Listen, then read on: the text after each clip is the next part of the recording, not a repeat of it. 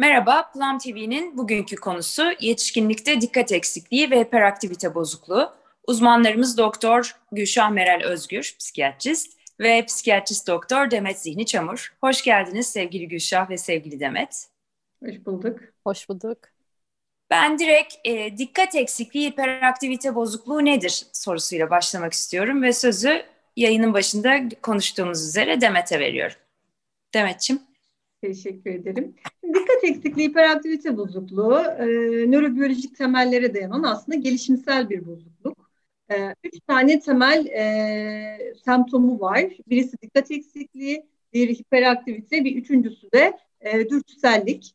E, dikkat eksikliği ve hiperaktivite bozukluğu aslında genel olarak halkta, halk tarafından hani bilinen e, bilindiği şekliyle hani böyle sanki çocukluk hastalığıymış gibi düşünülmekte. Hı. Ama aslında dikkat eksikliği ve hiperaktivite bozukluğu çocuklukta başlayan ve yetişkinlikte de devam eden bir bozukluk, bir hastalık. Anladım. Yani üçe ayrılıyor. Dikkat eksikliği, dürtüsellik, hiperaktivite bozukluğu. Bir de dikkat eksikliği ve hiperaktivite bozukluğu olarak da görülebiliyor galiba değil mi birleşik olarak? Şöyle aslında yani hani e, bu üç tane semptomu mevcut fakat bazı e, yani üç forma ayrılabiliyor dikkat eksikliği ve hiperaktivite bozukluğu. Bu e, bir dikkat eksikliği baskın form. Burada kişilerde daha çok dikkat eksikliği semptomlarının olduğunu görüyoruz. Diğer form hiperaktivite ve dürtüsellik baskın form. Burada da daha çok hani işlevselliği bozan kişinin e, dürtüsellik ve hiperaktivite e, semptomları. Diğer formda bileşik form. Yani bu bileşik formda da e, bu üç semptom e, kümesinin hepsini görebiliyoruz. Dürtüsellikten ne anlamamız gerek Demet? Aslında kişinin o an aklına geldiğini, e, sonunu düşünmeden e, aklına geldiği şekilde hareket etmesi, hazzı erteleyemesi, amaca yönelik planlama ve organizasyonu yapamadan e, amaca yönelik olmayan şekilde davranmasını söyleyebiliriz. Anladım. Gülşah, senin bu noktada eklemek istediğin bir şey var mı? E, dürtüsellikle ilgili e, genelde insanların böyle zihninde hani işte evet e, bir şekilde dürtülerini kontrol etmekte zorlanma yatar ama örneklendirmeyince de kafada çok oturmaz. Mesela bir kalabalık sohbet ortamında e, birinin sürekli diğer, diğerlerinin lafını kesmesi. Yani bir soru sorması, karşı taraf cevap verirken onun cevabını tam dinlemeden hemen başka konulara atlaması gibi. Bu da bir dürtüsellik orada o şeyi durduramıyor. İçinden gelen dürtüyü durduramıyor. Yani konuşma ya devam ettirmekte de zorlanıyor. Konuşmayı devam ettirmekte de zorlanıyor. Bu şekilde de bakmak lazım. Tabii aynı zamanda dikkat eksikliği de eşlik ettiği zaman ne yapıyor? Soru soruyor, cevabını bir şekilde e, dinleyebilecek kadar dikkatini orada sürdüremiyor. Çünkü orada hemen e, gözü başka bir şeylere kayıyor. Hemen orada dikkatini çekecek, başka bir ilgisini çekecek bir şey görüyor ve e, zaten e, konuşmada, iletişimde çok da e, sorun yaşamalarına sebep oluyor bu erişkin tipi dikkat eksikliği yaşayan kişilerin. Yani şöyle anlıyorum. Bu kişi peki hani farkında mı bunun bir problem olduğunun? Yani insanların sözünü keserken veya hani dürtüsel davranırken. Tabii ki bunu bilerek yapmıyor. Kaldı ki zaten Bilerek yapmıyor ama çok burada bir sorun yaşıyor. Ha evet. Kendisi peki burada ya benim bir sorunum var diyebiliyor mu peki? Sorun Genelde yaşıyor diğer ama. insanlar e, onu Hmm. uyarıyorlar. Yani sen az önce bana bir soru sordun ama e, Hmm. cevabını dinlemeden başka bir şeye geçtin. E, başka bir soru sordun veya başka birileriyle konuşmaya başladın. Veya ben bir şey anlatırken benim sözümü kestin. Hani bir dakika ben bir şey anlatıyordum gibi tepkiler çıkar hatta bazen tartışmaya gider bunlar. E, benim bazı hani danış, danışanlarım şikayetleri anlatırken bunu örneklendirir zaten. Hani beni arkadaşlarım uyarıyorlar. Yani o an o farkında olmuyor ama sonrasında bu şekilde geri bildirimlerde bulunuyor arkadaşlar. Yani sen bizim sözümüzü kesiyorsun, e, bize bir şey soruyorsun, e, ne diyorsun, e, başka bir konuya geçiyorsun gibi e, bu şekilde geri bildirimlerle farkına varırlar ve aa evet benim böyle bir sorunum var demeye başlar. Belki ilk seferinde hemen öyle bir farkındalık gelişmeyebilir ama bir kişi, iki kişi, üç kişi şikayet edince aa evet benim gerçekten sanırım böyle bir sorunum var demeye başlar ve e, bir uzmana başvurur.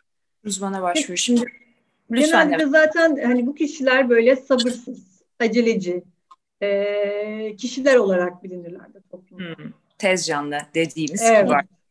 evet. ee, şimdi programın başında Demet tanımlamayı yaparken bu gelişimsel bir bozukluk dedi ve ben hani kısaca okuduğum kadarıyla nöropsikiyatrik bir rahatsızlık olarak geçiyor. Doğru mu söylüyorum? Evet, evet nöropsikiyatrik. Yani psikiyatrinin rahatsızlıklar, hastalıklar grubu altında yer alan aslında bir rahatsızlık. Evet. Değil mi? Tabii.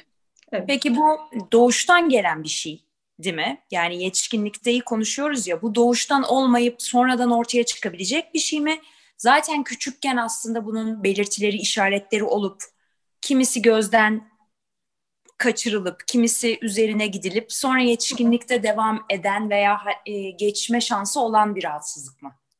Ee, şimdi aslında evet bu e, nöro gelişimsel bir bozukluk. Özellikle de hani e, bu MR görüntülemeleriyle bakıldığı zaman prefrontal korteks dediğimiz beynimizin bu alın lobumuzun alt kısmında kalan özellikle işte planlama, organizasyon, dikkatle e, ilgili, problem çözmeyle ilgili e, işlevlerin gerçekleştiği beyin bölgesinin e, normalden daha az çalışması ya da daha e, küçük kalmasıyla e, ilgili bir hastalık bu. DHB olan çocuk ve yetişkinlerin e, değerlendirmelerinde de zaten hem prefrontal kortekslerinin e, daha küçük olduğu e, ya da orada işlevsel açıdan baktığımız zaman e, daha az yani normal e, kendi akranlarına göre daha az çalıştığı da gösterilmiş. E, çocuklukta e, tanı koyulur genelde DHB'de. E, yalnız şöyle bir şey var hani e, doğuştan mı vardır diyoruz ya bir kere 6 evet. yaş öncesine kadar zaten tanı koymayız. Yani gelir e, aileler çocuk psikiyatrisine başvururlar. Benim çocuğum dikkatini toparlamıyor, işte çok hareketli. Acaba dikkat eksikliği ve hiperaktivite bozukluğu var mı diye gelirler. Ama 6 yaş ya da 7 yaş buna başlamadan önce çok tanı koyma e, e, tanısı koyulmaz. E, çünkü burada önemli olan o prefrontal korteks e, yetişkinliğe kadar aslında yani 20 yaşına kadar e, gelişebilen bir organ e, ve e, temelde bizim için en önemli şey kişinin işlevselliğini bozup bozmuyor olması.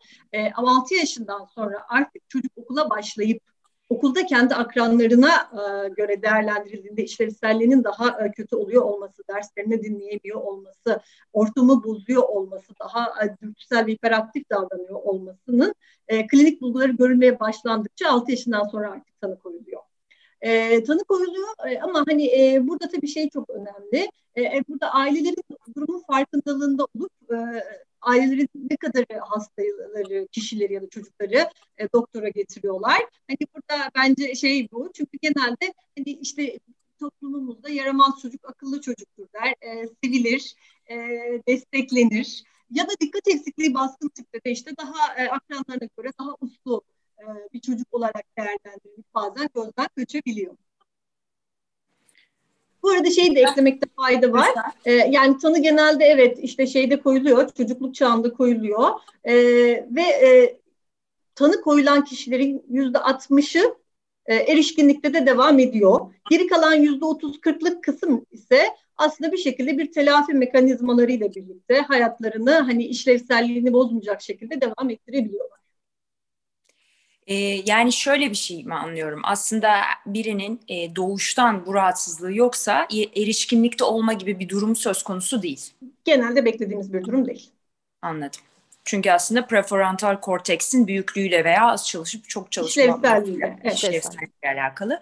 Ama belki ilerleyen yaşta belki bir kaza maza da belki buna sebep oluyordur tabii onlar başka şeyler. Yani beynin bir hasarıyla mesela ortaya çıkabilecek bir şey mi bu?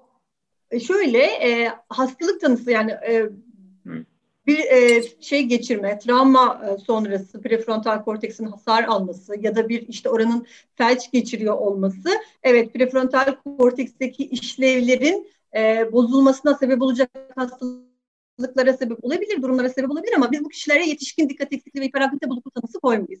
E, mesela e, demansın bir türü vardır, frontotemporal demans dediğimiz. Özellikle bu prefrontal korteks işte e, küçülür ve bu kişilerdeki en önemli e, semptom kişilik değişiklikleriyle gelir. İşte e, davranış değişiklikleri, kendilerini ketlemekte zorluk, yine dürtüsellik, problem çözmede e, sıkıntılar gibi semptomlarla gelirler. Ama hani onun e, tanısı erişkin DHB'si değildir. Anlıyorum. Gülşah? Ee, şöyle zaten hani Demet'in dediği gibi bir hastalığa bağlı bu durum geliştiyse organik sebep dediğimiz bir hani etiyolojide rol oynayan bir hastalık var demektir. Bu da evet bizi e, onları düzeltebileceksek yani o has, sebep olan hastalıkları düzeltebileceksek onlara yöneltir. E, bazen ama semptoma yönelik dikkat eksikliği için destek anlamında ilaç yazılabildiği de oluyor ama tanı dediği gibi Demet'in e, dikkat eksikliği hiperaktivite bozukluğu olmuyor. Hatta bazı çocuklar da hani o küçük 6 yaşından sonra hani diyoruz ama e, belli bir süre o kompansasyon mekanizmalarıyla e, çoğunlukla üniversiteye kadar bile hiç tanı almadan gelebiliyor. Neden? Çünkü hani zaten aslında şeyse zeki ise e, yani dikkat eksikliği var ama dikkat eksikliği demek e, öğretmeni dinlemiyor demek değil. Yani aslında bir taraftan onu dinliyor, bir taraftan oradan arkadaşı ne yapıyor diye bakıyor derken hepsini kaydediyor ve e, öğretmenin soru sorunca da biliyor. Yani aslında öğrenemiyor da değil. Ne yapıyor? Üniversiteye kadar bir şekilde hani o zekasıyla başka kompansasyon mekanizmalarıyla sorun ortaya çıkmıyor. Ne zaman ki işte üniversitede artık daha böyle e, ağır dersler, daha artık e, ekstra çalışmadan yapamayacağı e, derslerle karşılaştığında e, artık tanı konulur da olabiliyor. Biz öyküde sorguladığımız zaman a, e, a evet sanırım benim annem de veya işte babam da böyleymiş ama şimdi ben e, bu hastalık bana anlatılınca veya işte bunun e, klinik bulgularını öğrenince ben de hani aa evet benim ailemde de var diyebildim diye söylüyorlar. Yani bir genetik yatkınlık durumu da çoğunlukla oluyor. Burada şey ee, eklemek isterim ben. Ee, yani evet e, DHB tanısı koyulan çocuk ya da yetişkinlerin e, ailelerinde e, DHB olma olasılığı topluma göre 5 ila 9 kat daha fazla. İstatistiksel olarak da zaten bir korelasyon var. Şimdi ben hani bu programı çekeceğimiz için bugün hem çok kısaca bir baktım. E, bir de iki e, arkadaşımla böyle bir onlara normal yani sen bunun olduğunu düşünürsün kendinde neler yaşıyorsun diye sordum ikisine de. İzninizle onları bir okuyacağım. E, mesela e, galiba bir şey okumakta zorlanıyorsun sürekli dedi birisi. Özellikle mesela hoşuma gitmeyen, istemediğim bir konuysa, işle alakalı ve sıkıcı bir konuysa daha da zorlanıyorum okumakta. Özellikle mesela bir sosyal ortamda muhabbet ilgimi çekmiyorsa diye, direkt sıkılıyorum. Ya işte oradan kalkıp gitmek istiyorum ya da aklım başka yerlere kayıyor dedi. İş toplantıda dedim hani sonuçta bir iş adamı bu işleri yaparken toplantıda dikkatini dağıldığında ne yapıyorsun sıkıldığında telefonumla oynuyorum dedi. Ee, de dedi belki bu dikkat eksikliğiyle alakalı olmayabilir ama dedi mesela bir şey beni üzdüğünde de dedi başka bir şeyle uğraşmak istiyorum ama bu dikkat eksikliğiyle alakalı olmayabilir dedi. Ben de ona dedim ki dikkat eksikliğiyle alakalı olmayabilir ama belki dikkat eksikliğin olduğu için ona toleransın daha az olabilir diye çok böyle süper bir yorum yaptım orada. Psikiyatristlerin böyle attım tuttum yani. Diğer bir arkadaşım da e, şey dedi, bir şeye konsantreyken başka bir şey çıkıyor mesela aklıma geliyor dedi ve tamamıyla oraya doğru dönüyorum alakasız bir konuda dedi.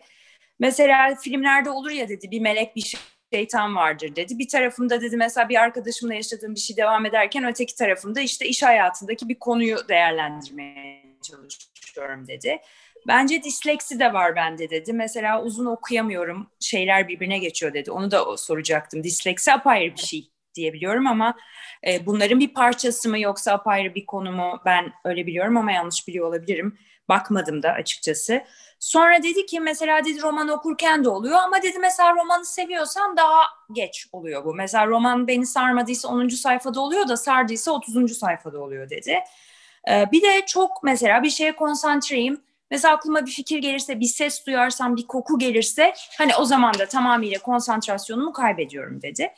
Sonra şunu düşündüm ben de dikkat eksikliği olan kişilerin sevdikleri bir ortamda olsalar dahi konsantre olmaları ve dikkatlerini tut, sohbette tutmaları herhalde diğer insanlara göre çok daha zor. Bunlardan anladığım kadarıyla çoğu kişi e, yetişkin hayatını, erişkin hayatını bu dikkat eksikliği ve hiperaktivite bozukluğuyla veya dikkat eksikliğiyle yaşıyor ve bundan haberdar dahi olmuyor ve acayip sıkıntı çekiyor. Yani çünkü hani şunu duyduğum zaman iyi bir ortamdayım ben, keyifli bir ortamdayım ama o kadar sıkılıyorum ki bir süre sonra hani kalkıp gitmek istiyorum ve Gülşah senin örneğinde hani iki ayrı araba olması çok can alıcı bir örnek hakikaten. Ee... Kesinlikle yani burada şu, şöyle bir ekleme yapmak istiyorum. Yetişkin DHB'si olan kişilerin yüzde doksanı tedavi almıyor yetişkin DHB'lerin. E, çünkü niye? E, genelde psikiyatriye başlama sebepleri komorbid bir durumla oluyor. Yani DHB'nin üzerine eklenmiş komorbid bir durum. Bu bir anksiyete bozukluğu, bir depresyon, bu bir madde kullanım bozukluğu olabilir. E, kişiler bunlarla başvuruyorlar ve dolayısıyla altta yatan DHB e, gözden kaçabiliyor e, klasik e, poliklinik muayenelerinde. E, bir çalışma var mesela e, başvuran yetişkin DHB'li başvuran kişilerin yüzde 86'sının iki komorbid hastalığı olduğu, yüzde 50'sinin de üç komorbid hastalıkla başvurduğu ile ilgili. E, dolayısıyla aslında yetişkin psikiyatristler olarak e, bizim tanı koymamız çocuk e, doktorları, çocuk psikiyatristleri kadar kolay olmuyor. Çünkü orada çok pür e, semptomlar var. Anne geliyor işte çocuk olduğu yerde durmuyor, kanepelerin üzerinde e, söylediklerimizi dinlemiyor, e, öğretmenden geri bildirim alıyorsun, ders odaklanamıyor, dersler kalkıyor, e, arkadaşlarıyla konuşuyor, yürüyor. Yani çok belli semptomlar var ama yetişkin DHB'de böyle, böyle değil. Yani yetişkin DHB'ler geldiği zaman anksiyete bozukluklarından, e, depresyonlarından, madde kullanım bozukluklarından bahsediyorlar. E, dolayısıyla tanı koymak çok çok daha zor. Şurada da şöyle bir reklamı da yapmak isterim. Ee, bu bahsettiğin iki arkadaşınla e, ilgili evet dikkat eksiklikleri mevcut. Burada ama e, birçok kişi aslında bize geliyor bazen işte yani hani bilen, durma bilen işte ben dikkatimi toparlayamıyorum. Acaba ben dikkat eksikliği ve hiperaktivite bozukluğu her dikkat eksikliği olan kişiye de bu DHB tanısı koymuyoruz tabii. E, ne gerekli? Gerekli olanlardan birisi e, ve en önemlilerinden biri mutlaka ama mutlaka e, çocukluk çağını e, irdeliyoruz. E, mutlaka o yüzden e, sadece kendisinin verdiği bilgi de yeterli değil ama ebeveynlerinden birinin ya da kendi küçükken yanında yaşadığı daha ondan büyük birinden e, gözlemlememiz e, ve bilgi almamız gerekiyor. Çocukluğunda nasıldı? Yani dolayısıyla çocukluğunda hiçbir semptomu olmayan kişinin daha sonra geliştirdiği dikkat eksikliği DHB ile ilişkili değildir. Ha, o ee, neyle yani, ilişkili olabilir? Mutsuzluğuyla.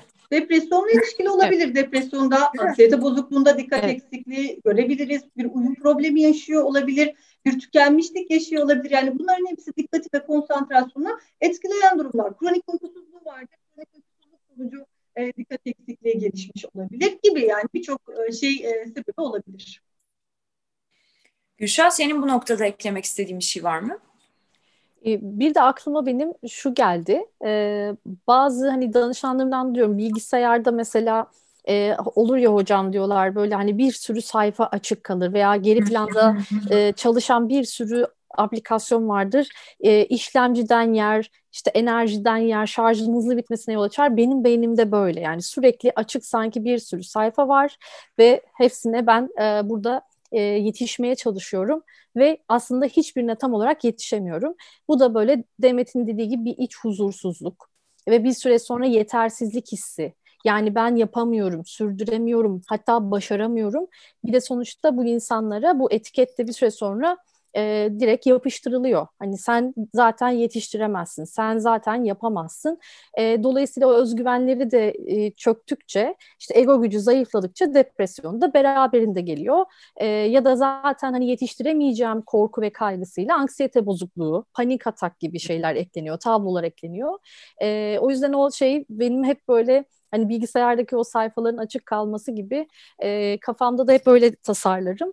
E, hatta bir danışanım da şöyle demiş. Yani sanki böyle zihnimde sürekli hızlı dönen bir atlı karınca var gibi. Yani bir sürü e, işte her şeye ata bir çocuk binmiş gibi benim de böyle bir sürü şey var. Dikkatimi dağıtacak veya düşünmem gereken şey var ve hepsi aynı anda dönüyorlar gibi demişti. Evet. E, bunlar çok güzel açıklayan e, metaforlar.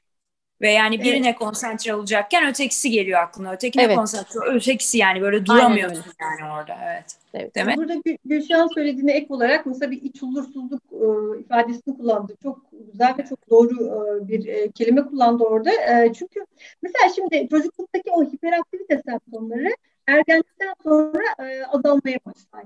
Dolayısıyla hani çocukluğunda yetişkin rehebesi olup e, e, yetişkinlikte de ama çocuklukta rehebesi olup yetişkinlikte de devam eden kişilerde biz çocuklarındaki çocuklardaki gibi böyle kanepelerin üzerine atlayan, olduğu yerde durmayan, koşan e, semt semptomlar beklemiyoruz. Bu semptomlar kalmıyor ama e, işte bu o, hiperaktivite belirtileri tamamen bir içsel huzursuzluk haline dönüşüyor. Yani kişiler işte anksiyeteden bağımsız olarak böyle bir içsel huzursuzluk hali tarifliyorlar. Olduğu yerde duramama, oturduğu yerde sürekli ayaklarını oynatma, ellerini oynatma gibi e, huzursuzluk semptomlarıyla birlikte sık bize başvurabiliyorlar.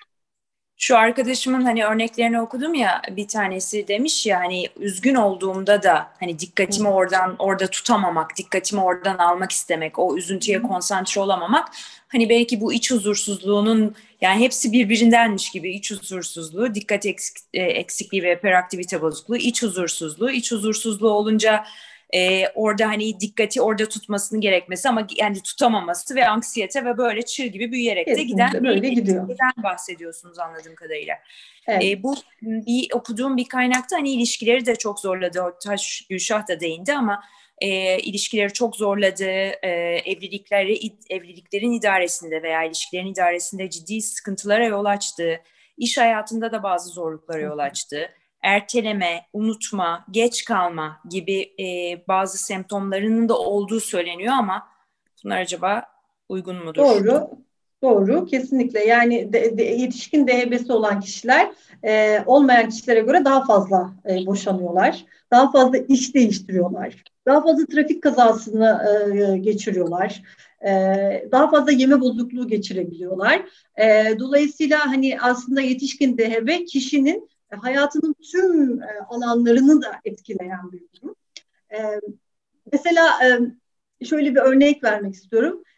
Sürekli sürekli iş değiştiriyorlar ama seçtikleri işler de genelde daha hareketli olacakları, pazarlama alanıyla ilgili mesela alanları daha fazla tercih ediyorlar. E, mesela bu bir ilaç mümessilliği olabilir ya da başka herhangi bir işte e, pazarlama, işte sürekli hareket halinde olması gereken işleri yapabiliyorlar. Ama e, yetişkin DHB'si olup e, olan bir kişiyi e, ofis ortamına koyarsanız e, bir yerde dağılıyor, kompanse olamıyor. Yani ofise bağlı olmayacağı bir yerde daha rahat çalışıyor. Hani hareket halinde olacağı kesinlikle, bir iş. Kesinlikle, kesinlikle. E, ilişkilerde Gülşah sen de ama birazcık evet. daha vurgulamak gerekirse. Evet. İlişkilerde de e, şöyle geliyorlar genelde. E, dikkat eksikliği olmayan partner şunu anlatıyor. İşte bir şey anlatıyorum eşime, beni dinlemiyor. Hmm. Gidiyor televizyon izliyor ben ona bir şey anlatmaya çalışırken. Halbuki kulağım onda diyor partneri. Hani ben aslında onu dinliyorum ama o an ona bakmaya devam edemiyorum, sürdüremiyorum. Çünkü televizyonda dikkatini çekecek bir şey oluyor.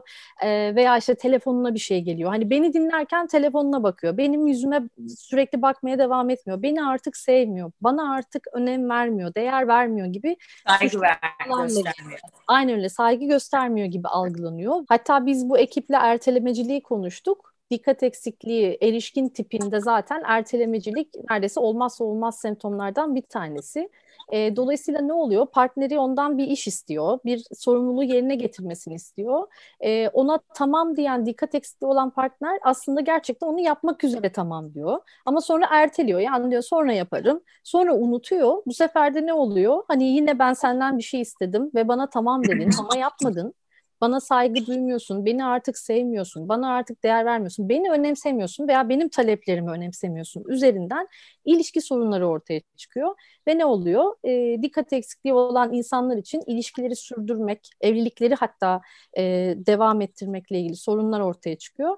E, bir süre sonra da bazen boşanma kaçınılmaz hale geliyor. O yüzden çift terapistlerinin de bu konuda e, alert olması lazım. Eğer bir psikiyatrist değilse çift terapisi yapan kişi, e, aa işte demek ki gerçekten sizi sevmiyor da e, sorumluluklarını yerine getirmiyor. Mesela çift terapisinde de bazen e, verdiğimiz egzersizler veya tavsiyeler oluyor. E, dikkat eksikliği olan kişi bunları genelde yapmıyor veya yapamıyor. Bilerek Yapamam. değil. Ama sonra ne oluyor? Ha demek ki siz bu ilişkiyi sürdürmekte çok e, gönüllü ve motive değilsiniz sonucu çıkıyor ve boşanmaya daha e, hani yakın bir ilişki teşhisi alıp ona göre bir karar almaları beklenebiliyor. O yüzden e, çok önemli. E, ama hani erişkin tipi dikkat eksikliği çocuklarla kıyaslandığında kadın erkek eşit. Hı hı, e, evet. olarak gözlenen bu. E, evet. O yüzden hani çocuklarda daha çok hani belki erkekler hiperaktivite kısmından tanı konuyor. E, ama e, erişkinde bu e, eşit. Yani işlerini sürdüremeyen, dikkatini yo- yoğunlaşmakta zorlanan insanlar kendilerini bu anlamda bir değerlendirsinler. Hatta ailelerine sorsunlar derim ben. İş hayatında da oluyordur aynısı tabii ki. Hani evet. ile söz verdikleri sözlerde. O zaman ben şunu da anlıyorum. Hayatlarındaki öncelikleri belirlemekte de sorun yaşıyor bu kişiler. Zamanlarını kullanmakta Kesinlikle. Değil mi? Yani hepsini etkiler diye düşünüyorum. Kesinlikle. Peki bunun tedavisi nedir acaba? E, tedavisi kesinlikle ve kesinlikle psikofarmakolojik tedavidir. Hmm. E, yani e, terapilerin faydası olur. işlevselliklerini artırmada, iş hayatlarında ve sosyal hayatlarında ki e, yapılandırmayı artırmakta ama hani e, mutlaka ve mutlaka bir psikofarmakolojik tedavi de alıyor olması gerekiyor. Çok önemli tedavisi. Niçin çok önemli? Aslında bir taraftan da e, DHB'si olup tedavi almayan kişilerin e, büyük bir çoğunluğunda madde kullanım bozukluğunu da çok sık görüyoruz. Yani e, DHB'si olup e, olanların yüzde yirmi beşinde tedavi almayanların yüzde yirmi beşinde e, madde kullanım bozukluğu görüyoruz.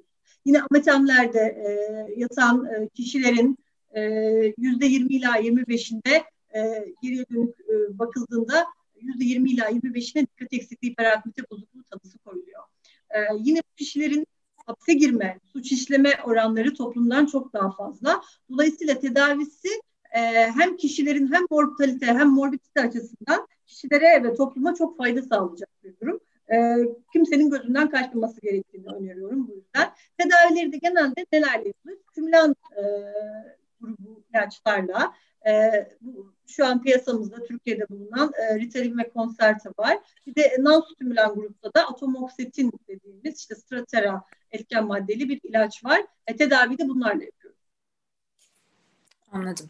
E, tabii biliyorsunuz e, hani ruh sağlığı ve hastalıkları söz konusu olduğunda ben de ben bunu anlatmakta çok zorlanıyoruz. Yani nasıl kişi bacağı kırıldığında ortopediste gidiyorsa işte ne, ne bileyim işte kolu ağrıdığında e, gene gidiyorsa veya nezle olduğunda, grip olduğunda bununla ilgili ilaç tedavisi alıyorsa bazı ruh sağlığı ve hastalıklarını hastalıkları içinde bir ilaç tedavisi gerekmektedir deniliyor ama biliyorsunuz insanlar söz konusu ruh sağlığı olduğunda o ilacı alma şansları varmış veya yokmuş gibi bir havaya giriyorlar. Yani hani bir tansiyon hastasına tansiyon ilacını verdiğinizde ya doktor hanım ben bunu almayayım hani bunun pazarlığını sizinle yapmaz ama iş söz konusu bunlar olduğunda hani insanlar yok bu ilaç beni kötü etkiliyor, yok bu beni iyi etkiliyor gibi şeyler yapabiliyorlar.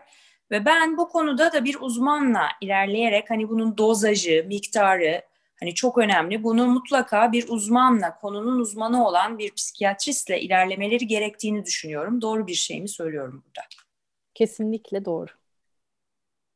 Çünkü bunun üstünde durmak istiyorum. Çünkü insanlar hakikaten yani ben mesela Concerta kullanan bir arkadaşımın dikkat eksikliği için kullandığını ben anlamamıştım. Beni olumsuz etkiliyor diye bıraktığını biliyorum. Şimdi sizi dinledikten sonra, bunu bıraktıktan sonra yaşayabileceklerini düşündüğümde hani bunun anksiyetesi var, iç huzur yani inanılmaz bir sıkıntı yaşanır. Depresyonu var. Depresyonu var. Yani evet. e, Peki bunların yan etkileri mutlaka vardır. Bunlar çok ciddi yan etkileri olan o yüzden mi insanların kaçındıkları ilaçlar? Şimdi aslında bu ilaçlar e, kırmızı reçeteyle satılan kontrole tabi ilaçlar. E, ülkemiz yani ülkemizdeki formların bağımlılık yapıcı etkisi yok. E, hmm. Fakat kötüye kullanılma riski fazla olan ilaçlar. Bu yüzden hani başlanırken çok dikkat edilmeli.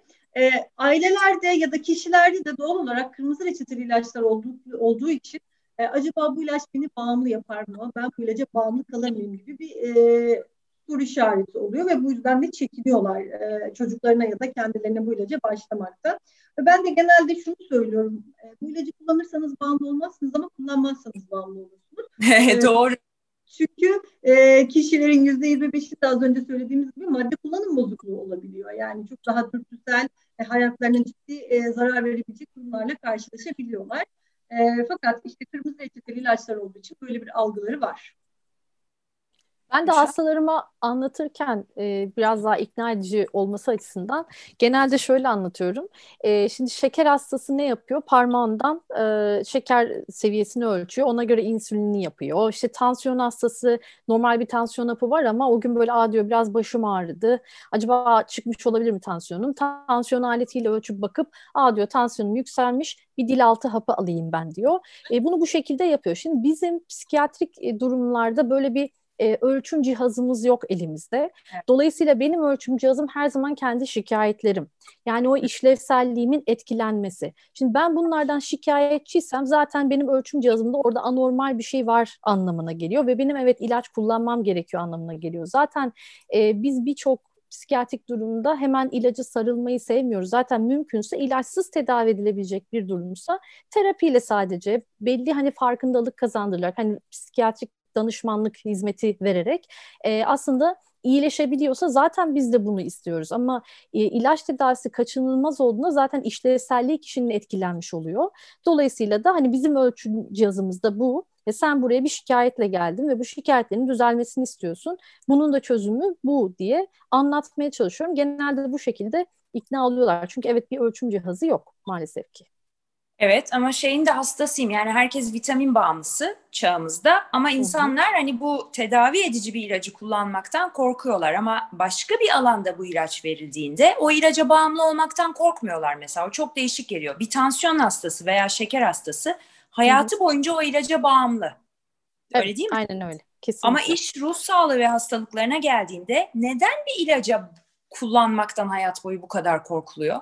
Nedir buradaki korku? Yani delireceklerini mi zannediyor insanlar o ilacı kullanırlarsa? Yani halk arasındaki yanlış e, algılar. E, çünkü psikiyatri ilaçları birden bırakılabilen ilaçlar değil. Burada yine e, bir uzman kontrolünde yavaş yavaş aşama aşama bırakmak gerekiyor. Çünkü orada uzun süre kullanıldığında beyinde nörokimyasal bazı işte nörotransmitter dengelerinde değişimler ortaya çıkıyor. E, bu şimdi birden bırakıldığı zaman işte sadece serotonin artıran bir ilaçsa beyin diyor ki nerede benim serotoninim? Evet, Dolayısıyla da böyle yoksunluk gibi bir bulgu veriyor. Bu da insanlarda ah ben ilacın bağımlısı olduğum yorumunu ortaya çıkarıyor. Ama eğer kişi uzman kontrolünde bunu dozunu azaltarak ve olması gerek gerektiği gibi yayarak o zamanı bırakmış olsa herhangi bir sıkıntı da hissetmiyor. Yani e, kendi başına bırakan, birden bırakan, hatta yüksek dozlarda kullanırken çat diye e, ilaç kullanımı kesen kişilerde zaten bağımlıların yaşadığı yani sigara içen birinin içmediğinde yaşadığı yoksunluk gibi bir şey ortaya çıkar. Bu kaçınılmaz bir şeydir ama halk arasında bu ne e, olarak yorumlanıyor? Ha, bu ilaçlar bağımlı yapıyor. Sen bunu kullanınca böyle e, sonra sıkıntı yaşayacaksın. E, bir de şu söyleniyor işte birine gitmiş bir ilaç yazdırmış iyi gelmiş e, burada sıkıntı yok. O hatta komşusuna da tavsiye ediyor. Bak diyor ben bunu kullandım iyi geldi diyor. Bir de tam tersi var. Yani o ilaç onda bir yan etki yapıyor. E şimdi tansiyon ilacı da yan etki yapabiliyor. Evet. E, veya şeker ilacı da mesela ishal yapıyor değil mi? Onun genel durumunu bozuyor. Ama tekrar o doktora gidiyor. Ya diyor verdiğiniz ilaç diyor böyle yaptı diyor. Ona soruyor. Ama psikiyatri ilacı olunca ha diyor o doktora gittim ben. Onun yazdığı ilaç bana iyi gelmedi. O zaman diyor ben gitmeyeyim. Kötü bu ilaçlar. Sıkıntılı bu ilaçlar. Ne kadar ilginç değil mi? Evet. Yani tekrar aslında o doktora gitse diyecek ki ha demek ki sende bu grup ilaç böyle bir yan etki yaptı. Biz o zaman diğer silahımıza geçelim. Yani bizim aslında bir süre elimizde alternatif var. E, biz ona en uygun olduğunu düşündüğümüz bir ilacı seçiyoruz. Ama sonrasında hani öyle çıkmayabiliyor ve evet yan etki yapabiliyor. Aslında bazen fayda da görüyor ama o yan etki yüzünden bırakmak zorunda da kalabiliyoruz. Ama bizde hani bir şey yok ki dedektör böyle hani hmm, bu beyinde e, böyle etkiler çıkabilir deyip öngörüp verebileceğimiz. Ama tabii ki seçimi yaparken dikkat ediyoruz işte kilo alıp almayacak olmasına, hangi işte çalışıyor olup olmamasına, işte vardiyalı mı, gece uyku problemi yaşar mı veya gündüz uykululuğu olur mu? Yani bir sürü kriter var orada değerlendirdiğimiz. E, ama o parametreleri en uygun ilacı seçiyoruz. Sonrasında yan etki çıkabilir mi? Çıkabilir. Burada yeniden o doktora gitmelerini tavsiye ederim ben. Yeniden o doktora tekrar tekrar gitsinler. Aa bu doktor bana uygun ilacı veremedi değil de e, hani birlikte bu işte yolculukta ilerlemek gibi bir yol izlenirse bence daha e, iyi olur. Tüm bir de bu yan etkilere bağlı dropoutların hani e, hastaya ilacı başlarken e, bu ilaç beni aldım daha da kötü yaptı diye ilacı bırakabiliyorlar. E, dolayısıyla yaşayabilecekleri yan etkileri önceden söylediğimizde e, hastaların uyumları çok daha fazla oluyor. Bir de şey de ek, eklemek istiyorum. Yani bu psikiyatrik ilaç tedavilerine e, olan ön yargının e, en önemli sebeplerinden birisi de bence stigmatizasyon. Yani maalesef toplumsal olarak biz hala da işte psikiyatriye gitmeyi, psikiyatrik bir tedavi alma e, stigmatizasyonundan kurtulamadık. E, Birçok poliklinikte gelen hastam e, işte geldim ama işimin haberi yok. E, işte ilaç kullandığımı söylemiyorum ya da komşularıma ya da işte aileme bunları söylemiyorum. Çünkü onların gözünde ben işte e, deli, e, zayıf, güçsüz, sorunlarını baş edemeyen bir kişi olarak görülmek istemiyorum e, diye ifade ediyorlar. E, dolayısıyla hani bu stigmatizasyon da bence hem e, psikiyatriye başvuruyu ertelemekte hem de ilaç tedavilerini kullanmak istememekte e, önemli etkenlerden biri diye düşünüyorum. Yani dünyanın başına aslında ne varsa delilerden geliyor ama insanlar da hani bu beynin hakikaten bir organ olduğunu, burada bunun da tedavisinin ilaçlarla da olabileceğini e, bir şekilde kabul etmekte zorlanıyorlar ama bence ileride olacak herhalde diye bu ümit ediyorum. Bu psikiyatriye ve ruh sağlığı ve hastalıklarına olan bu e, nasıl diyeyim e, bilinçsizliğin ortadan kalkacağını ümit ediyorum. E, mesela aklıma Joker filmi geliyor. Seyrettiniz mi Joker filmini? Evet. Şimdi bilmiyorum sizin tabii düşünceleriniz daha önemli orada ama o filmin sonunda hani gene öldürüyor ya psikiyatristini öldürüyor aslında hani yerde ayak izleri oluyor Joker'de. Yani aslında burada bu film belki mental illness'lara yani ruh sağlığı ve hastalıklarına dikkat çekmek için yapılmış bir film belki ama bence sonu o filmin yani ben şey oldum yani amaç buysa burada daha iyi bir e, mesaj vermeliydin dedim. Yani o, o mesela beni hayal kırıklığına uğrattı o filmin sonu biliyor musunuz?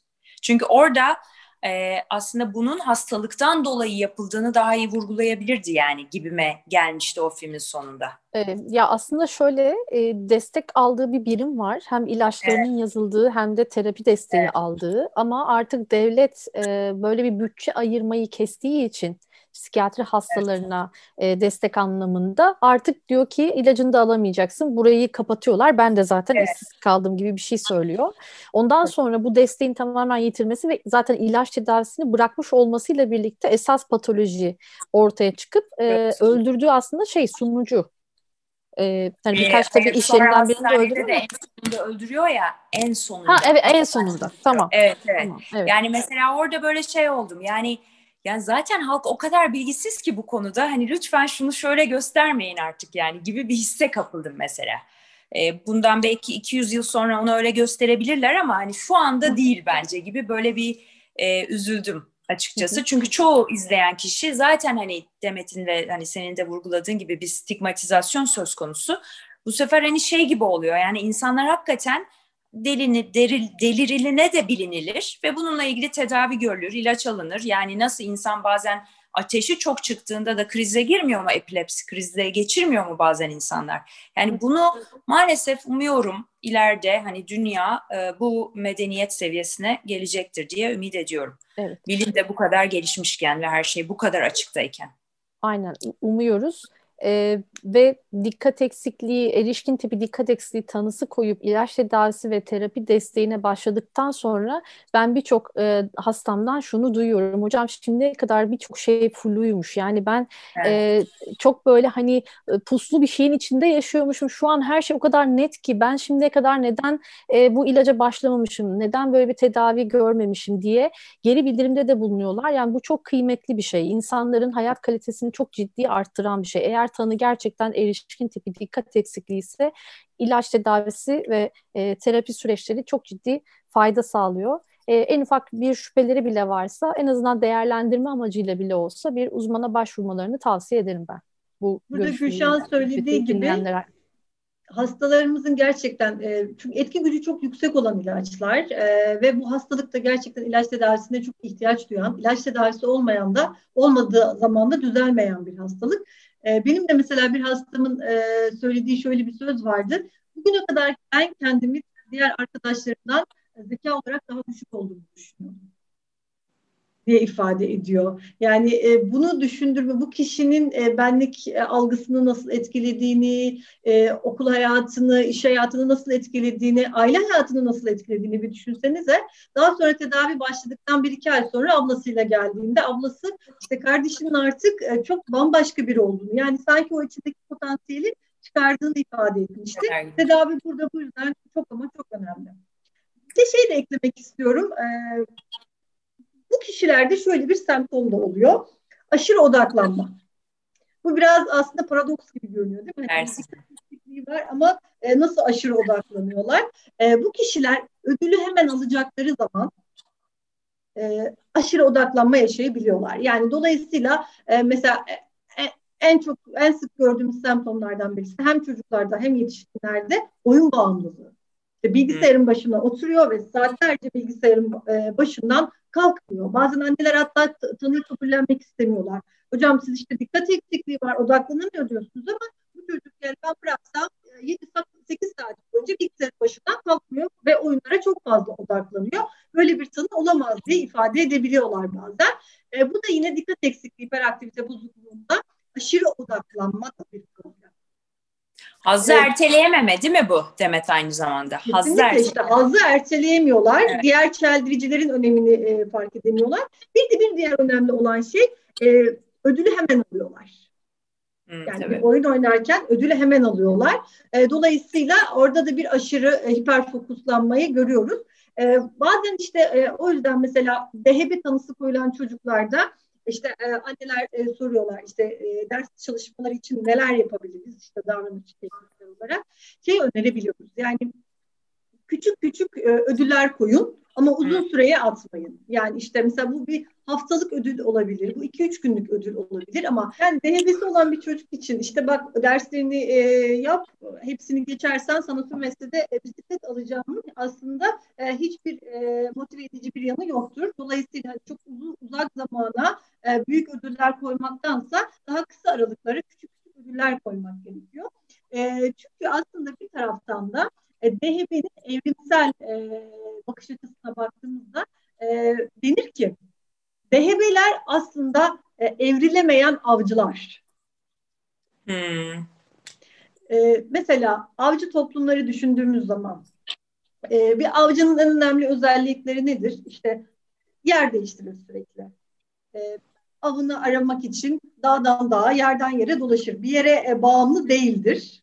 Doğru. E, ama avcının bir e, avı yakalayabilmesi için de aşırı derecede odaklanması gerekir. Yani bir avcı bir ağacın karşısına geçer, bir e, kuşsa ya da başka herhangi bir hayvanı yakalayacaksa saatlerce e, onu öldürebileceği zamanı bekleyebilir. Saatlerce orada bekler. Ama sonunda hemen ödülünü alacaktır. Dolayısıyla e, ya DHB'lerin evrimleşemeyen avcılar olduğu da e, evrimsel bakış açısı bir evrimsel bakış açısı söylemidir. İlginç. Tabii antropoloji, sosyoloji, psikoloji hepsi tabii iç içe aslında yani gittikçe daha da belirginleşiyor. Gülşah senin söyleyeceğin. Şey.